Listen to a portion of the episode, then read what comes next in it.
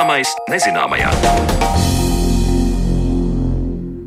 Esiet sveicināti raidījumā Zināmais nezināmajā, un turpmāko stundu ar jums kopā būšais Sandra Kropa. Šodien raidījumā parunāsim par dažiem Latvijas zinātnieku pētījumiem, kam pievērsties muzinājuši Covid-19 pandēmijas dažādi aspekti. Raidījuma otrajā daļā runāsim par to, vai un kāds ir pamats domāt, ka cilvēki, piemēram, Latvijā ar Covid-19 slimo citādāk nekā Ķīnā, taču pirms tam stāsts par kādu jaunu robotu.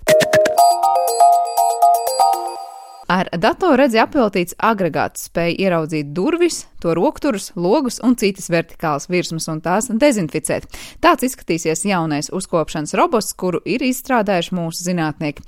Vairāk par šo robotu interesējās mana kolēģe Zane Lāce. Iedomājieties iRobotu jeb robotu putekļu sūcēju tikai daudz lielāku un aprīkotu ar papildus iekārtām.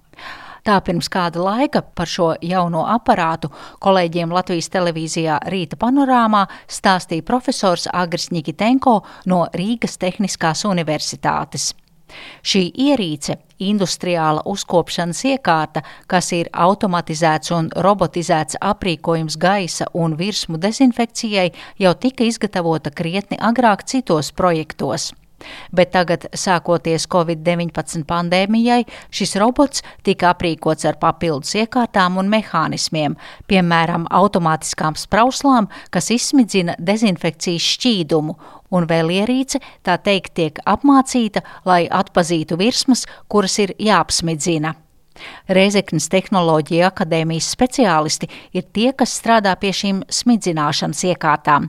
Tāpēc sazinājos ar Reizeknas Tehnoloģiju akadēmijas profesoru, metāla apstrādes un mehatronikas pētnieciskā centra direktoru Andri Martīnovu un lūdzu viņam pastāstīt konkrētāk, kā šis robots darbojas un kādu aprīkojumu tam gatavo Reizeknē.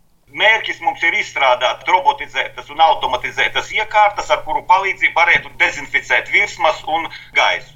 Mūsu daļa, tātad Reizeknas tehnoloģija akadēmija, mēs izstrādājam dezinfekcijas sistēmu. Tā ietver tvērtni, kurā ir dezinfekcijas līdzeklis, ir sprauslas, Protams, skaits var būt dažāds variants. Jā, mūsu gadījumā mēs desmit izmantojam sūknis eh, un eh, elektronikas, eh, kas vada šīs sprauslas. Un tas viss saslēgts kopā ar robota vadības sistēmu. Tā kā ja robots brauks pa koridoru, tad viņš var vienā gājienā, piemēram, uzreiz nodezinficēt visas sienas, nu, kaut kur 1,80 m augstumā, piemēram. Ja, tātad, ja viņas var mainīt šo attālumu, un pie tam tas robots, viņš pēc būtības tā ir grīdu uzkopšanas mašīna. Visi mēs esam, teiksim, Rīmi vai Maksimā esam bijuši redzam cilvēku stumda tādu lielu, lielu mašīnu, kurā mazgā grīdas. Tā kā robots mums tas nav no nulles taisīts, tātad ir šāda mašīna.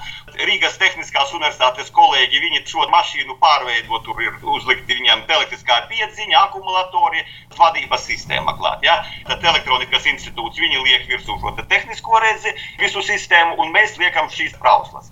Ir paredzētas tā, ka katru sprauslu varam darbināt atsevišķi, lai ekonomētu dezinfekcijas līdzekli. Tehniskā redze, piemēram, atpazīst konkrētās durvis, durvju rokturus, tad robots piebrauc un viņš smidzina nevis visu sienu ar koridoru, bet viņš var piebraukt tikai tās vietas, piemēram, apmācot šo robotu, tā sauktā mašīnu mācīšanas sistēma, viņš redz, atpazīst durvju rokturus un tikai apsmidzina šos durvju rokturus vai, piemēram, elektrības slēdžus. Vai robotam ir arī tā iestrādāts, ka šī mašīna zina, ah, tagad man tā tvertne ir tukša, jābrauc kaut kur uzpildīt šķīdums, vai šķīdumu pilda cilvēks vai pats robots? Uz doto brīdi to pilda cilvēks, jā. Ja? tas patēriņš tur nav liels, tā ka tas pilnībā pietiekošs ir. Ja?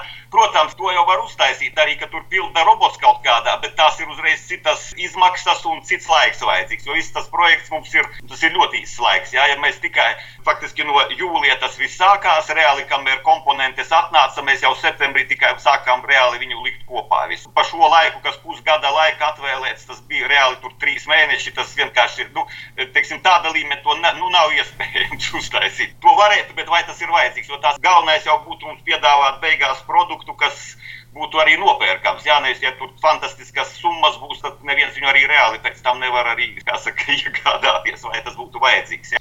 Vai jūs arī Reizeknas augstskolā izmēģinājuši esat šo robotu un cik labi tas šobrīd darbojas? Robots viņš ir Rīgas Tehniskajā universitātē. Tas ir pie viņiem, bet mēs tikai tā smidzināšana šo sistēmu. Viņa, protams, ir mēģināta uz vietas te testēt, un tagad pašlaik viņa atrodas jau Rīgas Tehniskā universitātē, uz tā robota uzstādīta. Ja? Rīgas Tehniskā universitātē būs testi, gan demonstrācija vienlaicīgi būs. Un tur jau visa tā sistēma kopā, gan tehniskā redze, gan tā robota vadības sistēma, gan mūsu tās brauslas darbosies, un tad pa tiem koridoriem tas robots tur braukās, smidzinās. Tātad viens, ka viņš strādā, tas ir viena lieta. Ja? Te vēl ir svarīgi arī veikt šos efektivitātes testus, vai patiešām viņš to dezinficē. Te tātad arī kolēģi eh, no biologiem, ko mikrobiologus piesaistām, lai testētu šo te efektivitāti dezinficēs. Minētais robots ir tapis valsts pētījumu programmu projekta Covid-19 seku mazināšanai ietvaros, un decembra sākumā ir paredzēts šo uzkopšanas robotu testēt, un tad jau nākotne rādīs, cik ātri šāds robots parādīsies lietošanā. Vēl mums ir divi vēl papildus divi produkti, tie ir dezinfekcijas vārti un iekārta gaisa dezinfekcijai. Arī tas nav pilnīgi jauns no nulles, tas nav iespējams. Jā, bet mēs viņu piekārtojam, lai pēc tam to visu varētu krīzes gadījumā ātri palaist ražošanā Latvijā. Šeit. Jā, pēc projekta beigām ir eh, visa tehniskā dokumentācija gan par robotu, gan par dezinfekcijas vārtiem un šo gaisa dezinfekcijas iekārtu, kas balstās uz ultravioleto starojumu. Tā tehniskā dokumentācija būs internetā ielikta publiski pieejama, jo tā ir valsts pētījuma programma. Tā tas nav kaut kāda, mēs nestrādājam priekš kaut kādas vienas firmas, tas ir jebkurš viņu varēs izmantot. Un, piemēram, uzņēmums, ja kāds uzņēmums vai nu viņš ir gatavs sākt ražošanu, lūk, viņam būs dokumentācija, ko viņš var par pamatu sākt. Vai arī, ja viņam ir tehniskās iespējas, viņš pats priekš sevis var teiksim, šādas iekārtas uztaisīt pats. Tik tālu par uzkopšanas robotu stāstīja Reizeknas Tehnoloģija akadēmijas profesors Andris Martīnovs, bet, kā jau minēju, tad šis robots ir tapis sadarbojoties vairākām organizācijām kopā. Rīgas Tehniskajā universitātē tiek izstrādāta visa vadības sistēma, un Elektronikas un datorzinātņu institūtā veido aparāta tehnisko redzi. Attālinātā intervijā lūdzu Rīgas Tehniskās Universitātes datorzinātnes un informācijas tehnoloģijas fakultātes dekānam profesoram Agrim Nikitenko pastāstīt par šī robota datorredzi. Kā šis aparāts var ieraudzīt, kur ir piemēram durvju rokturi vai citas virsmas, kuras ir jāapsmidzina ar dezinfekcijas šķīdumu? Nu, īstenībā tā tehnoloģija kā tāda varbūt arī nav nekas tāds unikāls pēc būtības, jeb saturiski. Tā ir labi pazīstama lieta, ko sauc par mašīnu redzi. Un šajā konkrētajā gadījumā tiek izmantotas dziļās apmācības algoritmi, nu, vienkārši sakot, dziļās apmācības neironu tīkli, kas ļauj attēlu analizēt reālā laikā un atpazīt dažādu veidu objektus attēlā tā kā kadru pēc kadra analizēju. Un tas ir apmēram 10 līdz 30 kadru sekundē. Un, uh, tie ir stipri līdzīgi algoritmi tiem, ko izmanto piemēram apsardzes kamerās, kad atpazīst cilvēkus, skaita cilvēkus vai kā citādi. Jautājums ir tikai par to, kas ir datu kopums, kā tiek apmācīti algoritmi, tātad kas tieši ir jāatpazīst. Šajā gadījumā durvis un durvju rūpturi, piemēram. Vai tās ir tikai durvis un durvju rokturi, vai kas vēl ir iestrādāts šajā datorredzē? Šobrīd prototypa fāzē tas ir tikai durvis un durvju rokturi, bet potenciāli tas nav nekādā gadījumā ierobežots ar konkrētiem objektiem. Tikpat labi tie var būt krēsli vai kādi citi svarīgi objekti, piemēram, darba galdi vai kas nu tur vēl. Tas ir jautājums par apmācību tikai. Un apmācību to saucamo kopu, tātad uz kādām bildītēm algoritms apmācās, kas viņam ir jāatpazīst. Ja? Bet tikpat labi tas var būt jebkas cits. Vai jūs varat prognozēt, eh, pēc cik ilga laika šāds robots kaut kur reāli sāks darboties, tiks pielietots? Es varbūt atturēšos no konkrēta gada skaitļa nosaukšanas vai, vai kā tam līdzīgi. Tas, ko es vēlos pateikt, ir, ka šāda tipa roboti, nu, tātad automātiskas, jeb, jeb industriālas uzkopšanas roboti un loģistikas roboti un tam līdzīgi, attīstība šobrīd ir no gada uz gadu eksponenciāli. Tas nozīmē, ka ir eh, ļoti strauji pieaugums kā uzņēmumiem, kas dažādos veidos mēģina izstrādāt šādu sistēmu, specializēt, kā arī to uzņēmumu skaits, kas tos ražo un izmanto. Un uh, Latvijā jau šādi roboti ir. ir piemēram, lidostā Rīgā. Jūs varat paskatīties konkrēti uzņēmumu izstrādājums. Tātad attīstība ir ļoti strauja šobrīd. Nu, es, es teiktu, tā, ka tas ir tuvākās pieredzes jautājums. Projekta rezultātu prezentācija būs apmēram pēc mēneša. Nu, šobrīd, sakarā ar Covid situāciju valstī, vēl tiek saskaņota kā vieta, tā laiks, jo nu, riskus līdz ar to mēs šobrīd strādājam pie tā, lai izvēlētos drošu vietu, kur robotu var darboties nu, vismaz dienu vai, vai divas dienas. Nu. Es saprotu, ka mm, Covid pandēmija tā, kas eh, nu, tieši vai netieši veicināja šādu robotu izstrādi, bet es pieņemu, tad, kad eh, mēs atgriezīsimies arī mūsu ikdiena normālā ritmā, kur šādi roboti varētu tikt pielietoti. Es teikšu, tā, tās ir visas tās situācijas, kurās cilvēka klātbūtne varbūt nav obligāta, nu, tādā izpratnē, ka uzdevums, ko dara cilvēks, nav sarežģīts. Nu, piemēram, tas ir koridoru uzkopšana vai tas ir kaut kāda, nezinu, sporta zāļu uzkopšana un tam līdzīgi. Tātad tur, kur cilvēkam nav jāpieliek sava roka, lai, piemēram, paceltu priekšmetus, lai zem tiem nos, nu, teiksim, datoru klaviatūras jāpaceļ uz darba galdiem vai kā tam līdzīgi. Nu, to šobrīd roboti īsti nevar izdarīt. Nu, respektīvi, tā izdarīšana ir ļoti sarežģīta un dārga, un tas nav jēgpilni. Savukārt kaut kādas horizontālās, vertikālās virsmas, kuru ir daudz, kuru platība ir liela, biroja telpa koridoru, piemēram, vai kādas sēžu zāles un tam līdzīgi, tā, protams, ir labi piemērotas robotu izmantošanai. Par jauno uzkopšanas robotu stāstīja Reizeknas Tehnoloģiju akadēmijas profesors, metāla apstrādes un mehatronikas pētnieciskā centra direktors Andris Martīnovs un Rīgas Tehniskās Universitātes datorzinātnes un informācijas tehnoloģijas fakultātes dekāns profesors Agris Nikicenko. Ar viņiem sazinājās mana kolēģe Zane Lāce. Bet par to, ko jaunu Latvijas zinātnieki atklājuši saistībā ar Covid-19, mēs uzzināsim raidījuma turpinājumā.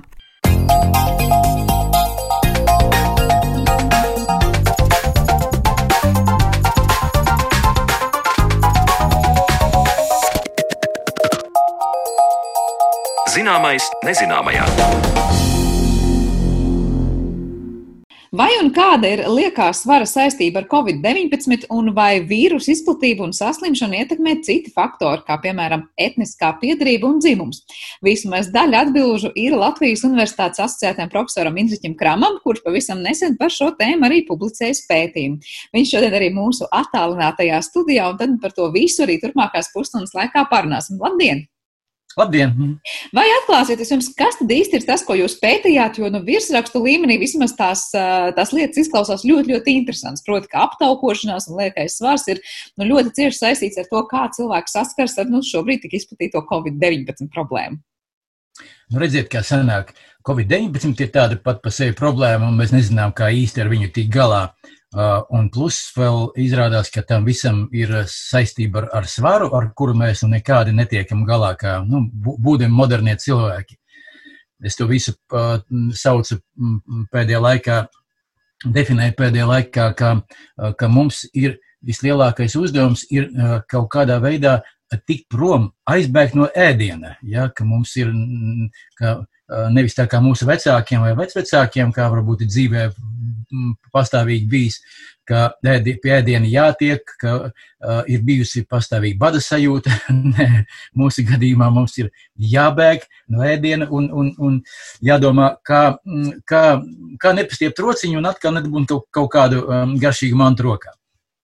Izrādās, ka šīs lietas ir uh, saistītas, nu, un uh, izpratnes līmenī sanāk, ka, ja mēs nekādu nevaram saprast, kā tad mums noregulēt savu svaru, uh, jo tomēr tas ir ļoti, ļoti saistīts daudziem cilvēkiem ar insulīna rezistenci, ar uh, ļoti nopietnām iespējām uh, tikt pie otrā tipa diabēta, un tad patiesībā dzīve mainās kardināli. Uh, dzīve mainās tik ļoti stipri, ka, ja vispār cilvēki zinātu, tad viņi var būt ievēroti diētas daudz vairāk. Un, lūk, un sanāk, ka šīs divas problēmas mums jāpatur galvā vienlaicīgi, un mēs ar to patiešām netiekam galā. Mums ir ļoti grūti par to domāt un kaut ko izdomāt. Un tāpēc man arī nebija viegli, ja kas. Man arī līdz šim brīdim maz tik viegli neiet. Ar, ar, kā jums ienāca ienāc prātā pētīt šo jautājumu? A, tas bija ļoti dabīgi. Jo mm, es ar putniem mm, jau, jau daudz gadu garumā pētu, kā notiek putnu aptaukošanās. Putniem ir ļoti īpatnēji, ka put, putnu tauki, nu, es parasti tā saku, ka, ja jums ir gadījies cept vistu, tā acu priekšā tauki izkūst. Ar cūkas taukiem tā nesanāk. Mums speķīts jāčurkstina ilgi, kamēr no viņa iztecēs tauki ārā. Putna tauki burtiski mm, sāk jau kust kaut kāda tur nedaudz virs 40 grādiem temperatūrā. Un sanāk, ka putniņš pa dienu uzkrāja taukus zemādas, pārsvarā zemādas, un arī starp zarnām, protams, bet pārsvarā zemādas. Un šie tauki jau līdz rītam, ja ziemas, ziemas laikā, ziemojot, nakšņojot ziemā, tie tauki jau ir nu, līdz rītam gan izlietoti. Tad, tad tie tauki, tauki vispār tiek izmantoti, nu, tās ir enerģijas rezerves. Un, un, un tur ir ļoti interesanta lieta, ka, ja tu vakarā vai pa dienas vidu, kā būnās putniņš, sēdīsies par daudz, Krūs ir ļoti nu, saka, nodrošināts pret, pret to, ka pret garo ziemas nakti un zemām temperatūrām, jo zie, temperatūra ziemā ar vienas nakts laikā var nokrīt līdz mīnus 30 grādiem, un, un tu tiesi tu tur vispār dzīves līdz tam rītam.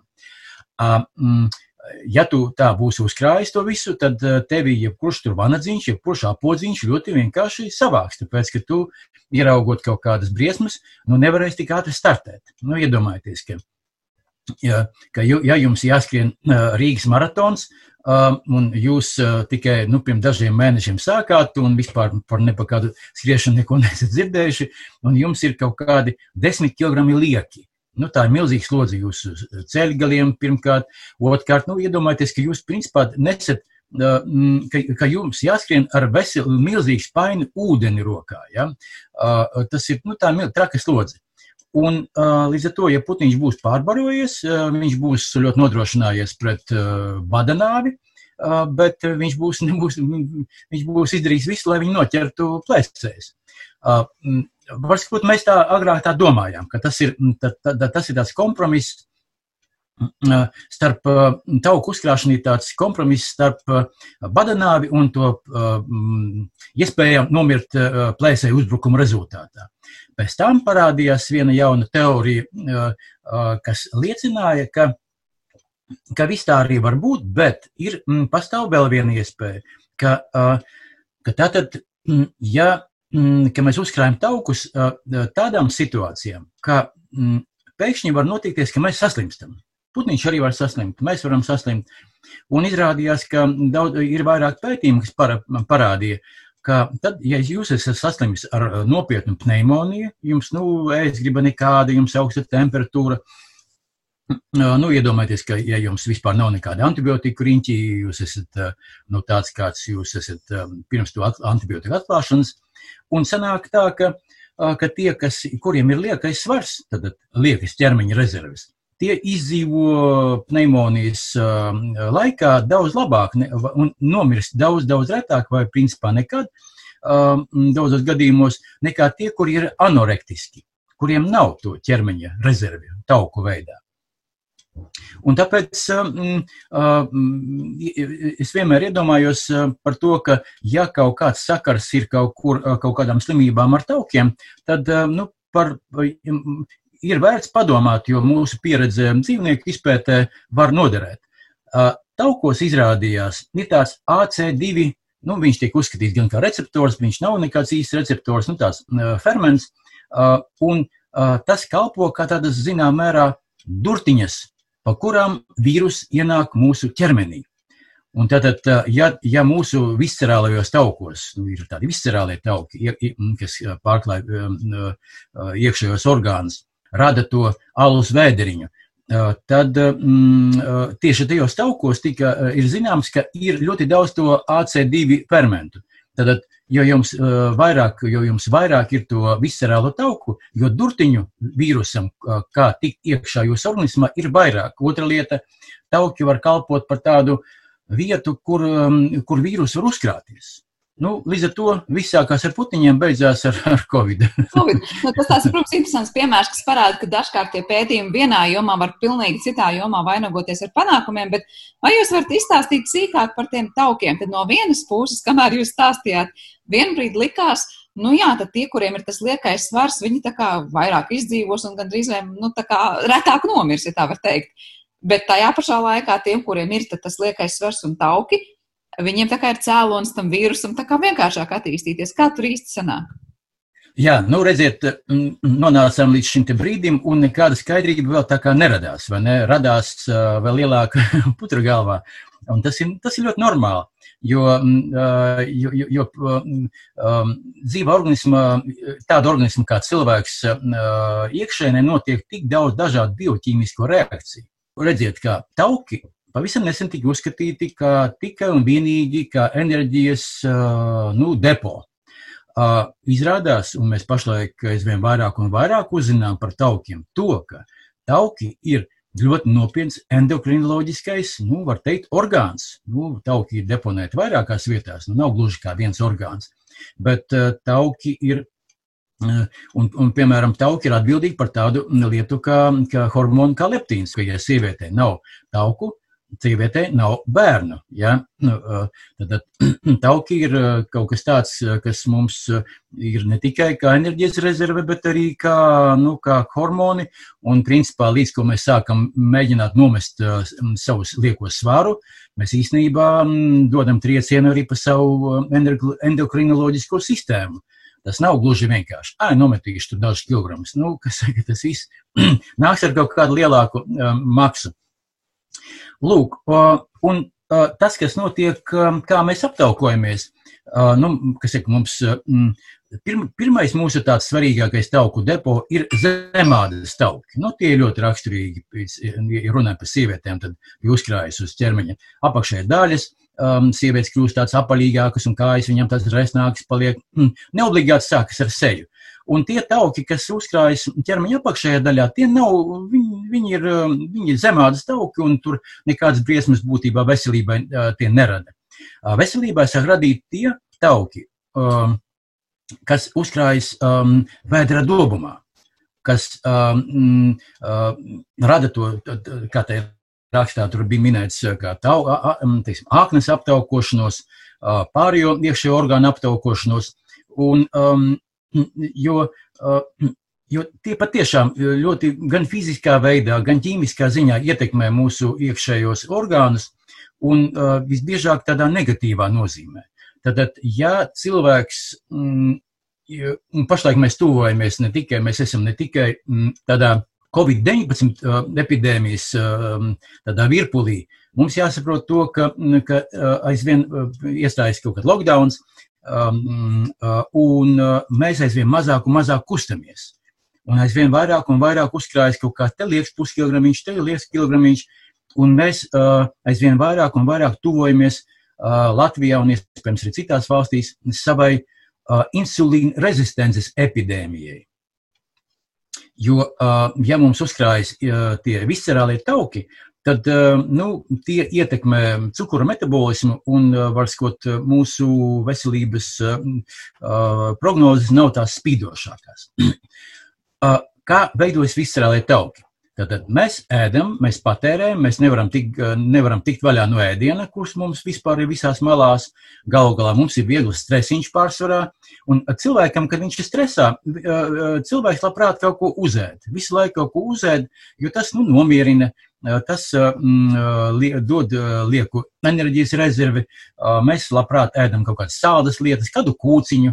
Sākumā tad, tad uzkrājas tauki tajā subkutānajā zemādas depo Un tad, kad tas zemādas depo ir pilns, tad sākās tauku uzkrāšanās nākamajā depo. Un tas ir viscerālais depo, skot, mēs uzkrājam to, tos taukus. Un, nu, un sekas ir dažādas. Covid, insulīns un, un viss kaut kas tāds. Bet tad sanāk tā, ka jebkurā gadījumā jūs sākumā teicāt, varbūt nav tas trakākais tie zemādas tauki, kas sākumā, bet tas ir pirmais solis, lai vienkārši tiktu līdz tiem taukiem, kas tiešām ietekmēs to visu Eh, tālāko saslimšanu gaitu. Bet tas, ko jūs pētījāt, eh, jūs arī tur salīdzinājāt Āzijas cilvēkus un Eiropas cilvēkus. Kas tur ir tas atšķirīgais ar to, kāda tie tauki un aptaukošanās ir Eiropā un Āzijā? Interesanta lieta, ka mēs tikai sākam apjaust, ka, mm, ka salīdzinot piemēram, baltos cilvēkus Amerikā un Eiropā, nu, kas ir kau, kaukāziešu saucamā rase, un ar tiem, kas ir afroamerikāņi, cilvēkiem, kam ir tumšā kādas krāsa, izrādās, ka, piemēram, afroamerikāņiem subkutānie depo ir daudz lielāki. Viņi var uzkrāt zemādas taukos ļoti daudz lielākus apjomus nekā mēs, baltie cilvēki. viņi neveidojas tik lieli, bet, pie, piemēram, problēmas ar, ar, ar diabētu viņiem ir lielākas. Acīm redzot, ka, ka evolūcijas procesā cilvēkiem dzīvojot dažādos klimatos, dažādās, dažādos kontinentos, kur viņi pakļauti dažādiem ekoloģiskiem apstākļiem, un plus tajos ekoloģiskajos apstākļos ietilpst arī dažādas slimības, vīrusi, baktērijas, ar, kuru var, nu, ar kur, kuriem var saindēties, ar kuriem var inficēties. Nu, piemēram, kaut kāda um, inficēšanās ar baktērijiem, kas dzīvo kaut kādā bojātā barība ēdienā. Uh, un um, mēs konstatējam, nu, tur tas tā, tāds paradoks, ka sāk uh, atklāties, ka tad, tad uh, ir Dienvidu Austrumāzijā, tieši Dienvidu Austrumāzijā, uh, tiem cilvēkiem, kas dzīvo Ķīnā, Taivānā, uh, Singapūrā, Vietnamā, Laosā, Malaizijā, ka tur Covid, nu, būtībā bez maz viņš tur ir cēlies, kā mēs tā uzskatām. Iespējams, ka viņš ir iebazāts īstenībā no kaut kurienes citurienes, bet tās ir, kas ir tādas vēl līdz šim nepārbaudītas ziņas.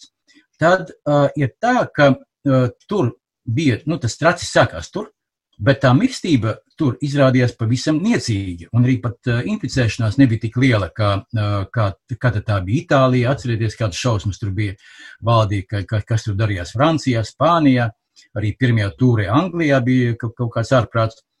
Izrādījās, ka dažādās valstīs, dažādos geogrāfiskos uh, reģionos cilvēki, ka dzīvo, cilvēkiem, kas tur dzīvo, tie tauku depo ir ļoti atšķirīgi. Un iespējams, ka tas ir evolucionārās attīstības sekas.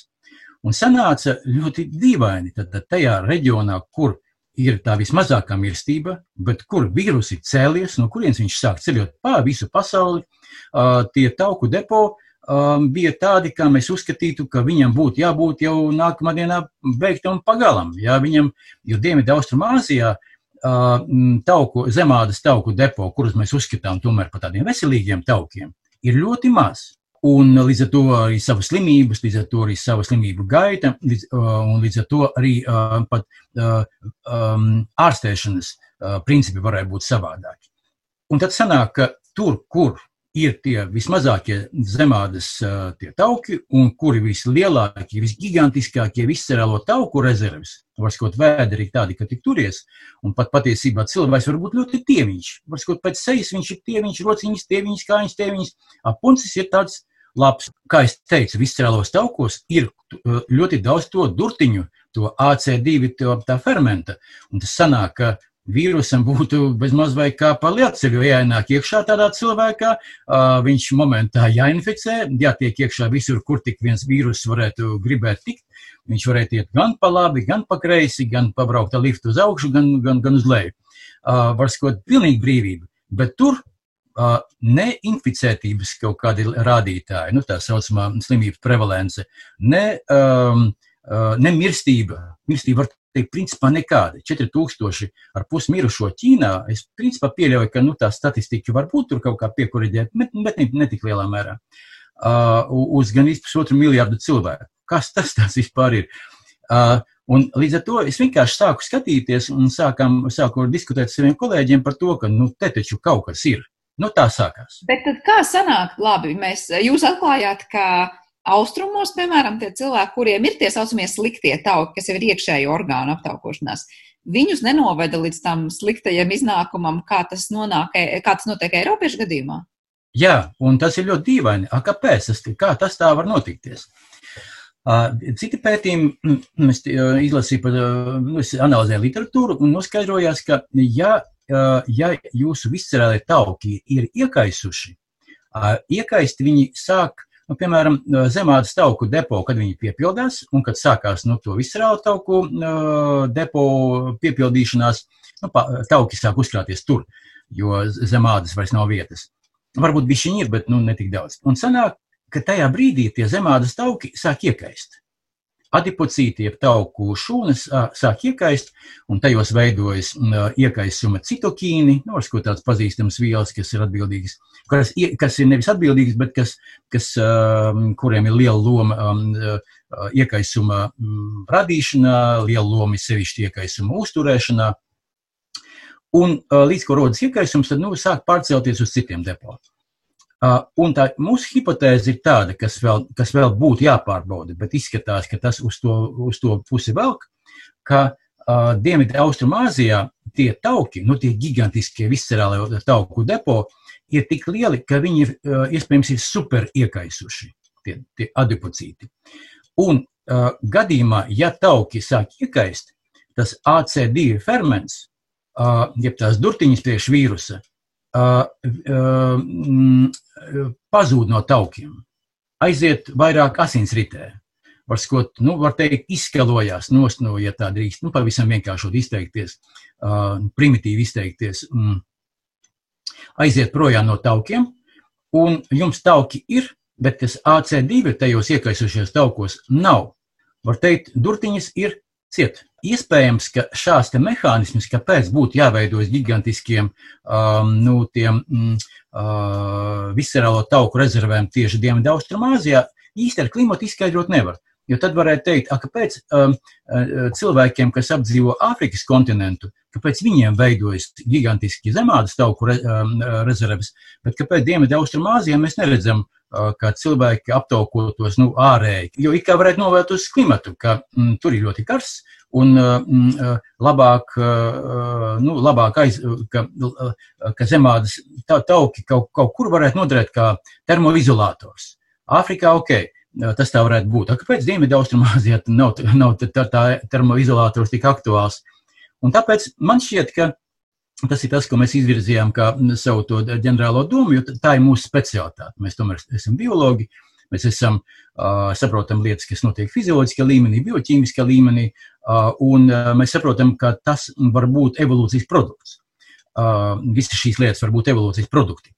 Uh, un līdz ar to mēs domājam, ka uh, Dienvidu-Austrumāzijā, sevišķi tajās populācijās, tajās valstīs, ko es biju nosaucis Ķīnu un, un pārējās satelītu valstis, ka šie cilvēki jau ne pirmo reizi ir saskārušies koronavīrusiem savas evolūcijas laikā. Cik zinu, ka tas tā arī ir, jo tie koronavīrusi cirkulē tur daudz lielākā apjomā. Es varu teikt, ka, ka būtībā ka mēs visi esam kaut kādā veidā saskārušies koronavīrusiem. Mēs iespējams pat koronavīrusu saņemam no, no mūsu mamām. Nu, būdami tur vēl viņu, viņu vēderā un piedzimstot, Jeb, jebkurā gadījumā tas, tas nav, nav nekas īpaši tāds, nekas tāds īpaši traks un bīstams, bet ir koronavīrusi, kas, kurus mēs saņemam no dzīvniekiem. Tas ir um, tie koronavīrusi, kas cirkulē, tad tā kā, piemēram, pašlaik tur tiek laktētas uh, tās uh, ūd, um, ūdeles uh, Dānijā, jo līdz ko um, vīrus aiziet kaut kur putnā, kā putna vīrusu aiziet ūdelē, um, un iespējams viņi būs, būtu jāsauc par kaut kādu ūdeļu gripu. Uh, un uh, viņš tur turpina transformēties. Viņš var dzīvo savu dzīvi, viņš pārveidojas, un vienā brīdī, ja viņš spēja pārliekt atpakaļ uz cilvēku, mēs nezinām, par kādu monstru viņš tur ir kļuvis. Un tāpēc iespējams, ka mm, koronavīrus kaut kāds izcelsmes centrs un tāds nu, izplatības vai daudzveidības centrs ir tieši Dienvidu-Austrumāzija, un cilvēki ar, to, ar tiem vīrusiem tur sastopas jau ne pirmo gadu tūkstoti. Nu, tāda tā doma. Tas nozīmē, ka jā, tas palīdzētu arī prognozēt, kā kurā reģionā tur attīstīsies tās saslimšanas un, un cik, var teikt, nu, upurus tas tiešām prasīs ar letālām sekām. Bet vai pārnesot visu to, ko jūs stāstījāt par tiem taukiem, var tā vienkāršot teikt, nu, ka arī mūsu platuma grādos un mūsu reģionā tie cilvēki, kuriem būs vairāk to zem, nevis zemādas, bet to iekšējo, viņi daudz vairāk iespējams saskarsies ar kaut vai šai Covid kontekstā šo slimību un iespējams tas rezultāts būs smagāks? A, problēma ir tāda, ka mēs tā īsti nezinām, bet no, no mūsu hipotēzes izriet, ka, uh, ja viscerālie tie iekšējie tauki ir Dienvidu austrumu aziātiem ir daudz iekaisušāki, un tieši tāpēc tās AC durtiņas ir ciet, kas, nu, kas, kas palīdz um, ņemt kaut kādā brīdī un, un, un, un neielaist vīrusu iekšā. Šķiet, ka, ka baltās rases cilvēkiem iekšējā tauki, nu, mēs ciešam, mēs patiešām, mēs esam, mēs, mums virsū nāk kā lavīna, iespējams jau sen ir sākusies, man ārsta endokrinologi gan jau, ka varētu, varētu man palabot un pateikt, ka, ka, ka tas, ko es saucu par insulīna rezistences epidēmiju, jau sen ir sācies, un es tikai piekrīstu tam, ka mūsu depo, ka mūsu viscerālajie depo tomēr nav tik gigantiski kā ķīniešiem, kā malaiziešiem. Un tas savukārt nozīmē, ka mūsu viscerālie tauku, viscerālo tauku šūnas, jeb adipocīti saucamie, nav tik stipri iekaisuši. Un, ja viņi nav tik stipri iekaisuši, tas nozīmē, ka tas AC2 vēl aizvien mūsos ir ļoti daudz, un vīrus ir laipni lūgts nākt mūsos iekšā, caur, tām, caur tiem pašiem um, un uzkrāties um, tauku depo. Veidot pilnīgi vīrusa rezerves mūsu ķermeņos. Tāpēc prognozes šai populācijai, kurā mēs dzīvojam, uh, Latvijā, ir samērā sliktas. Tikai tāpēc, vien, ka, uh, nu, tāpēc, ka mums ir tāda tauku uzkrāšanas fizioloģija, tādi tie mehānismi. Bet kā sanāk, nu, šajā gadījumā, ja cilvēkiem vispār nebūtu šo iekšējo tauku, tad tas Jā. ir vislabākais variants, tad mēs esam vairāk Vislabāk. atsargāti no saslimšanas.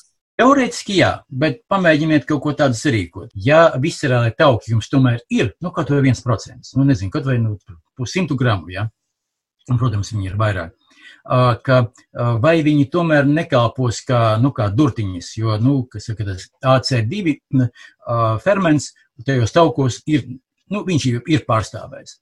Un tāpēc um, koronavīrusa gadījumā iespējams sanāk, ka pilnīgi kaut kāda tāda dīvaina lieta, ka tieši tie, kuriem vislielākie tauku apjomi, uh, viņi, uh, un viņi varētu būt tie, kas vismazāk inficējas ar koronavīrusu. Bet ir viens bet, ja uh, koron, šis koronavīruss SARS-CoV-2, uh, tieši konkrēti šis, ienāk jūsu uh, organismā, nu, piemēram, caur plaušām, viņš ir iekšā. Tad cilvēkam, kuram ir iekšējie tauki ļoti daudz, viņi ir iekaisuši. Viņa veselība ir ļoti slikta. Viņš, ir, viņš jau ir stipri slims cilvēks. Un, ja tāds cilvēks ņem un saslimst, iespējams, ka viņam ir ļoti vājas izredzes. Līdz ar to visur kaut kādi tādi ļoti interesanti bioķīmiski kompromisi, kur nu, nevar tā paredzēt, paskatoties cilvēku sejā un teikt, o, nē, nu, tu jau tu izdzīvosi, jau, nu, tu jau, nu, kāda tev, nu, nekāda problēma. Mēs tikai sākam nojaust, ka pēc kā tas viss izskatās. Jo tur ir tik daudz paradoxālu lietu. Viens pasaka vienu, otrs pasaka otru, un tā, tā ir kaut kāds pretrunas. Bet tur kaut kas ir, un tas viss jāapdomā. Un finālā tu nonāc pie ļoti interesantiem secinājumiem. Jā, nu, secinājumi nenoliedzami ir interesanti, un es pieņemu, ka arī pasaules līmenī tas ir ļoti interesanti šobrīd šādā aspektā paskatīties, jo aptaukošanās problēma ir diezgan izplatīta daudzās uh, pasaules Jā. valstīs. Noslēdzot šo sarunu, jautāšu jums, kā jums notika tas pats pētījums? Es saprotu, tā ir tāda sadarbība ar arī citu valstu valstu jūsu kolēģiem? Būtībā šis pētījums ir vairāk par tādu par esošo literatūru. Ko tas nozīmē? Ka Latvijā pavasarī un tad, ziemā un pavasarī Covid slimnieki bija ļoti maz, un tikt pie faktiskā materiāla, lai kāds varētu ņemt un kaut ko izdarīt, praktiski bija ļoti grūti. Tāpēc mēs pārsvarā ko darījām? Mēs pārsvarā centāmies tikt pie maksimāli tuvāk klāt pie esošajiem failiem, kur savākuši ķīniešu zinātnieki, ko savākuši uh, amerikāņu zinātnieki, jo literatūras apjoms sāka augt no kaut, nu, kaut kur no februāra beigām un mai, marta vienkārši gigantiskā apjomā. Ļoti daudzi žurnāli, tie, kas arī par maksu priekš autoriem, tie ļāva ļoti daudz lietas publicēt pavelti. Nebija jāmaksā. Jūs varējāt publicēt vienkārši kaut kādos superdārgos žurnālos savus rakstus, un līdz ar to un ļāva to darīt maksimāli ātri. Tas viss tika nu, pātrinātā tempā veicināts. Uh, un uh, datu bija ļoti daudz. Tev nebija jāiet no mājas ārā, lai tu varētu tikt pie, vienkārši pie kolosāliem datiem no, nu, praktiski no visiem kontinentiem, no vislabākajām laboratorijām. Tu varēji sazināties ar kaut kādiem cilvēkiem patiešo, ja tu nesaprati, kas viņam tur vēl ir par pa kādiem datiem, vai viņam ir vēl kaut kādi dati. Un varēja mierīgi apmainīties ar kaut kādiem viedokļiem, un var to darīt arī, arī turpmāk. Līdz ar to um, pētījums nebija tāds, ka mēs pētījām praktiski nu, reāli Latvijas populāciju. Mēs pētījām visu, kas vien bija iespējams. Bet jūsu pētnieku grupa šam, šim pētījumam bija arī tātad, kolēģi citās valstīs, vai jūs vairāk ar šeit vietējiem zinātniekiem pētījāt?